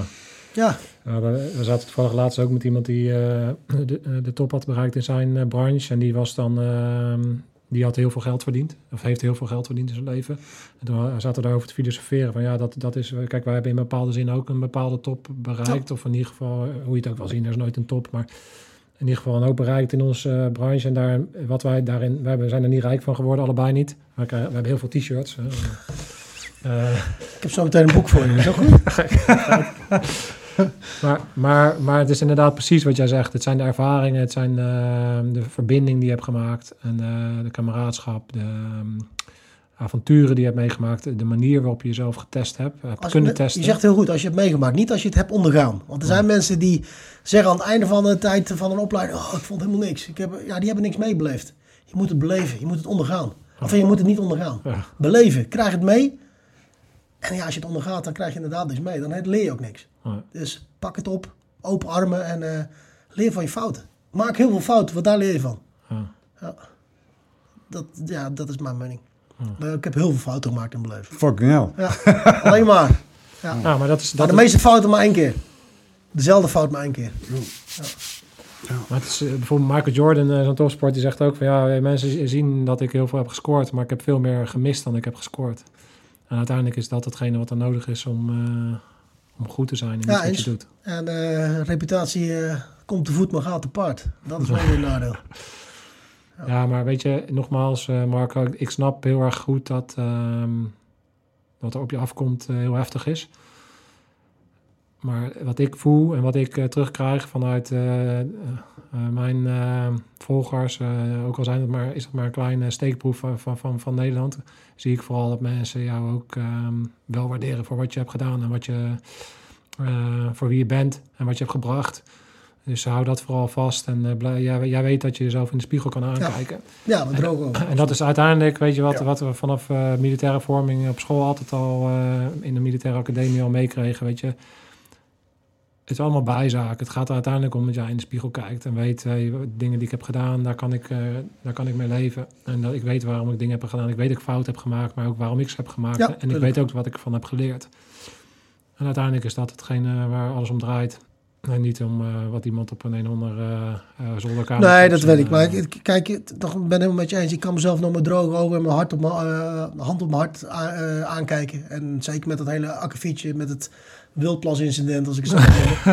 Maar waar ik me... Kijk, ik schaam me nergens voor. Maar wat ik me, waar ik me wel voor schaam, is dat met name de oude generatie denkt dat ik het heb gedaan. ja. En ik eh, kom op veteranen, eh, op herdenkingen en dat soort zaken. En ik zie dan dat de oudere generatie, waar ik heel veel respect voor heb nog steeds, kijken me toch met andere ogen aan. Omdat ze de, de waarheid niet weten. Dus ik neem het hun niet kwalijk. Maar het doet me wel Ja. heel, heel veel pijn als ik ook maar denk dat zij denken dat ik het echt gedaan heb. Ja, als ik, het echt gedaan had, had ik mezelf mijn pek en veer overgoten. En ik had hier echt niet meer gezeten. Ik had me gaan schamen en ik was nooit meer in het openbaar gekomen. Nou, en, en, en ik begrijp wel waarom het zo'n zo'n enorme impact maakt. Hè? Want eh, eh, de, de eh, politie met name is natuurlijk gigantisch in het nieuws. Hulpverleners Ja, die nee, agressief benaderd worden. Oud en nieuw, dan, dan zijn alle eens. camera's gericht op de politie. Van hoe was het en Ja. hoe vaak zijn jullie bekogeld, bespuugd en beslagen? Want iemand die een hulpverlener aangrijpt, die moet hangen. Dat meen ik echt. Ja.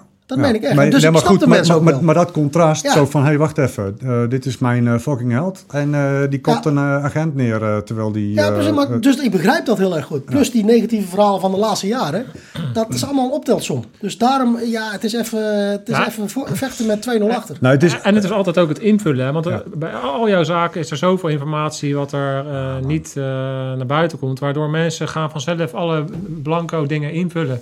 Dat, dat, doen, dat, dat, dat heb ik ook regelmatig Ja. gemerkt. Van, oh ja, oh, dat zal het wel zus of dat zal het wel zo. En dan denk ik, ja, maar dat, dat, dat is helemaal niet zo. Dat ga je dus zelf invullen. Ja, en het is de in wil. Als je ook kijkt, vandaag kwam de Telegraaf toevallig met, de, dat was niet toevallig, maar toevallig eh, kwam de Telegraaf met het verhaal dat ik wetenschappelijk bewezen geen eh, drugs heb gebruikt van de, la- van de laatste vier tot acht maanden. Verder konden we helaas niet kijken, anders had ik dat ook gedaan. Meer haar had ik niet. Meer had ik niet. Ja. Maar je ziet nu, geen enkele media neemt het over. Ja.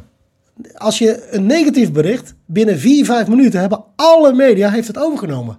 Die herhaalt het alleen maar. En nu alleen maar de Telegraaf. Ja. Dat, dat tekent ook wel. De, de gunfactor, die heb ik in ieder geval niet. Ja. Ja, en dat, is, eh, dat maakt me ook wel sterker. Ja. Ja, wat dat betreft, eh, dan moet je het alleen doen. En dan gaat vaak het beste. Dan eh, kun je op jezelf in ieder geval vertrouwen. Ja, had je maar m- marinier moeten blijven. Had je niet allemaal alleen hoeven doen. Dan was je met z'n tweeën geweest. Maar ja, ik kan hem lezen en schrijven. Dus ja, voor mij houdt het op. Fucking hell. Mooi. Marco? Nee, ehm, Ja, jongens. ja, is voor jou alles een beetje... eh, Nou, jullie bedankt Ja. dat ik een, eh, een podiumpje heb mogen hebben met een beetje positieve eh, vibe. Dus eh, daar ben ik zelf blij om. Ja. En eh, ik heb eh, ja, vragen beantwoord. Ik heb ook mijn eigen dingen kunnen vertellen. En ik hoop dat in ieder geval de mensen thuis... Ik hoef niemand te overtuigen. Maar wat ik wil is mijn zijde van het verhaal vertellen. En dan, dan heeft iedereen het recht om daar zijn eigen mening te vormen. Ja. Maar pas als je twee zijdes hebt gehoord. En dat, dat is mijn boodschap. Eh, laat je tegenwoordig niet leiden door, eh, door media. eh, als je niet nog eens een keer een andere kant van het verhaal hebt gehoord. Want ja, sommige verhalen zijn gewoon niet waar. Niet alleen niet een beetje niet waar, maar gewoon helemaal niet waar. Ja. En eh, Nou, la- laat vooral iedereen zijn eigen oordeel vellen. En, juist. en, en wat ik heel erg waardeer is dat je ehm, hier bent gaan zitten als Marco. En we gewoon hebben gepraat van man tot man, strijder tot strijder, wat het ook is. Eh, maar uiteindelijk gaat het gewoon om mensen. En heb jij je, je leven eh, in dienst gesteld van ons vaderland. En ehm, heb jij je in ieder geval kunnen vertellen wat, wat je allemaal eh, is overkomen en hoe dat in jouw perceptie gelopen is. En ehm, ja, laat mensen hun eigen oordeel vellen. En dat is ook waar, waar je uiteindelijk voor strijdt, wat je heel mooi zei. Dus is dat, dat is onze vrijheid ook. ja, gelukkig. Ehm, maar ik hoop dat we alle partijen, of ze je nou geloven, niet geloven of niet weten wat ze, wat ze moeten geloven, dat al die mensen die iets denken te moeten vinden van jou, en in ieder geval even achter hun oren kunnen krabben of een keer kunnen denken van, oh, misschien is het toch iets anders dan ik altijd eh, voorgespiegeld krijg. Als we dat alleen maar een klein beetje Ja. bereikt hebben, dan is wat ons betreft eh, ehm, het doel bereikt. Dus eh, Ja. enorm bedankt dat je hier bent aangeschoven. Ik vond het heel bijzonder om eh, met jou in gesprek te zijn en ik wens jou ehm, succes en heel veel sterkte met je proces om het een plekje te geven. En wees daarin vooral niet te hard voor jezelf, zou ik zeggen. En ehm, ja, zorg ervoor dat je overeind blijft, wat je zeker zal doen, wat je altijd bent bent geweest, omdat je nog zoveel eh, waarde kan toevoegen eh, met alles wat jij eh, hebt gedaan. En eh, daarin nog een tweede leven te gaan hebt. wat mij betreft. Oh ja, Dus, ik weet niet of ik zo oud hoor. dus, eh, Twee levens. Als je kijkt naar uh, Kenneth Mayhew, 102 jaar. de- onze oudste ridder. Die was gewoon op die day erbij, hè? 6 juni 1944. ja. Dat is mijn held. Potse dikke man. Als je daar bij, bij bent geweest, dan ben je echt eh, de eindbaas. Mhm. Absoluut. Vast een ideale schoonzoon geweest. Ja. Ja, ik heb het trouwens... eh, ik heb nog iets. Je had één, één boek had je al, hè? ja, Eén boek had je al. tweede, ik loop tweede, even eh, op. ja, ik geef het uit. Hè? Gekkigheid. Dan moet je, dat- Wel, eh, nu wel met, eh, met, met handtekening, want dan is hij eh, gewoon 3 euro duurder. Hè? dan word Gewoon je, 3 euro duurder dan. dan wordt je 51ste boek. Hey, eh, advocaatkosten zijn ook niet gratis. Ah, oké, nee, oké. Hey, maar dan wil ik jullie deze boeken nog even geven. Ik maak er gelijk Ah, reclame voor. Dus eh, dit is mijn eerste. Dit is de tweede. We hebben trouwens een, eh, zijn bezig om misschien een Nederlands speelfilm te maken. gek, Maar dat is een ander verhaal. Dus, maar die wil ik jullie geven, jongens. Dus, eh, erg Ah, cool.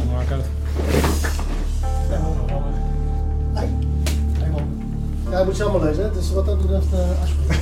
Ja. Ik zet het straks even Ah, je kan hem voorlezen. Deze close, Ja, zet, cool. al- zet alles erop. Marco, ga goed. Dankjewel, Ga jongens. je goed, jongen. Scherpschutters, Uit. uit.